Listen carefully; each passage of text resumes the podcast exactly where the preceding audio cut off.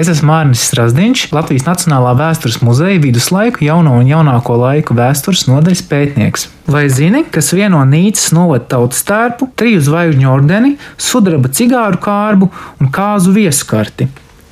Visi iepriekš minētie ir dažādos Latvijas muzejos saglabāti, un 68 muzeju kopizstādē Latvijas gadsimts eksponēti priekšmeti, kuri otrā pasaules kara beigās ņemti līdzi bēgļu gaitās. Otrā pasaules kara noslēgums bija neskaidrības un neziņas laiks. Tas daudziem Latvijas iedzīvotājiem lika pieņemt smagu izšķiršanos - palikt Latvijā un sagaidīt atkārtot padomju okupāciju, vai meklēt veidus, lai bēgtu no sarkanajiem, pat ja tas iespējams nozīmētu uz visiem laikiem pamest savus mājas Latvijā. Vairāk nekā 120 tūkstoši Latvijas iedzīvotāji devās bēgļu gaitās uz rietumvalstīm, atstājot dzimteni pa dažādiem ceļiem, gan pa sauszemi, gan ar satiksmes kuģiem, gan laivās pāri Baltijas jūrai. Ļoti bieži līdzi paņemtie priekšmeti bija vairāk emocionāli dārgi un simboliski vērtīgi, nevis praktiski nepieciešami ceļā vai jaunajā mītnes zemē. Piemēram, pazīstamā Nacionālās operas soliste Herta Lūse 1944. gadā dodoties uz Vāciju, bez sadzīves lietām līdzi ņēma arī tautas tērpu, triju zvaigžņu ordeni, dažus rekvizītus no izrādēm un atsevišķas viņai pasniegtas dāvanas.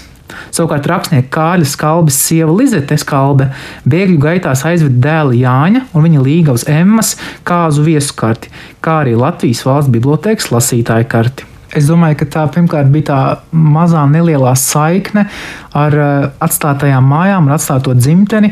Un kā jau šie piemēri liecina, var nebūt praktiski nozīme, bet tīri var būt kaut kāda simboliska vai sentimentāla. Un ļoti bieži diezgan tipisks piemērs, ko līdzi ņēma, bija sudraba piezlatnieks, ko pēc tam arī vēlākajos gados, lai kaut kā vēl vairāk saglabātu un vēl vairāk varbūt turētu šo piemiņu tādā nu, redzamākā vietā, ļoti bieži pārstrādāja gan dažādās rotās, gan izveidoja kā šķiltavām iekārtām pamatnīti, iemontējot tieši šo pieslatnieku iekšā. Tā kā, protams, kad dodoties bēgļu gaitās, kas arī ir ārkārtīgi, protams, smags un tāls ceļš un, un, un, un, un pamest dzimteni, tas jau ir emocionāli grūti, plus vēl šis fiziskais pārbaudījums, kā, kā garais ceļš. Skaidrs, ka arī nav iespējams neko varbūt lielu vai kaut ko tādu ļoti praktisku reizē paņemt līdz tādai šajos lēmumos ko paņemt līdzi ļoti bieži arī kaut kādas tīri neracionālas, bet tīri emocionālas tādas uh, impulses strādā.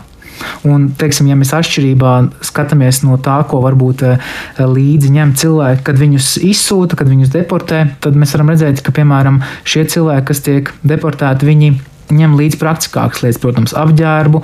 Šo mašīnu zingari ir ļoti bieži izplatīta lieta, jo tas dod cerību, ka jaunajā vietā vismaz par apģērbu varēs padomāt, ka varēs arī to izmantot kā kaut kādu peļņas ieguves līdzekli, lai, lai uzšūtu citiem un nopelnītu.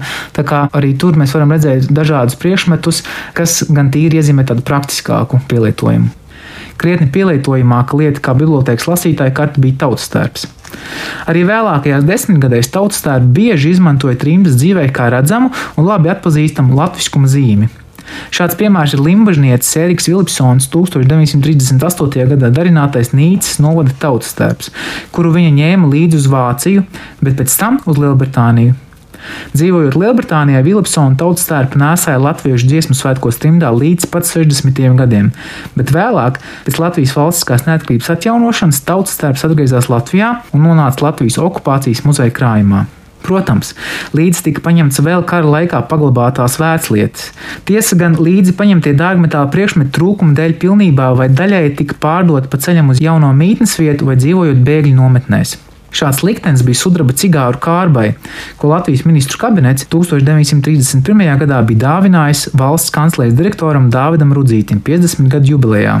Kārbu rudzīšu ģimene paņēma līdzi trimdā, tomēr trūkuma dēļ bija spiesta to pārdot par piemiņu, saglabājot tikai dekoratīvo kārbas vāku ar veltījumu gravējumu. Mūsdienās kārbas vāks glabājas Latvijas Nacionālajā vēstures muzejā.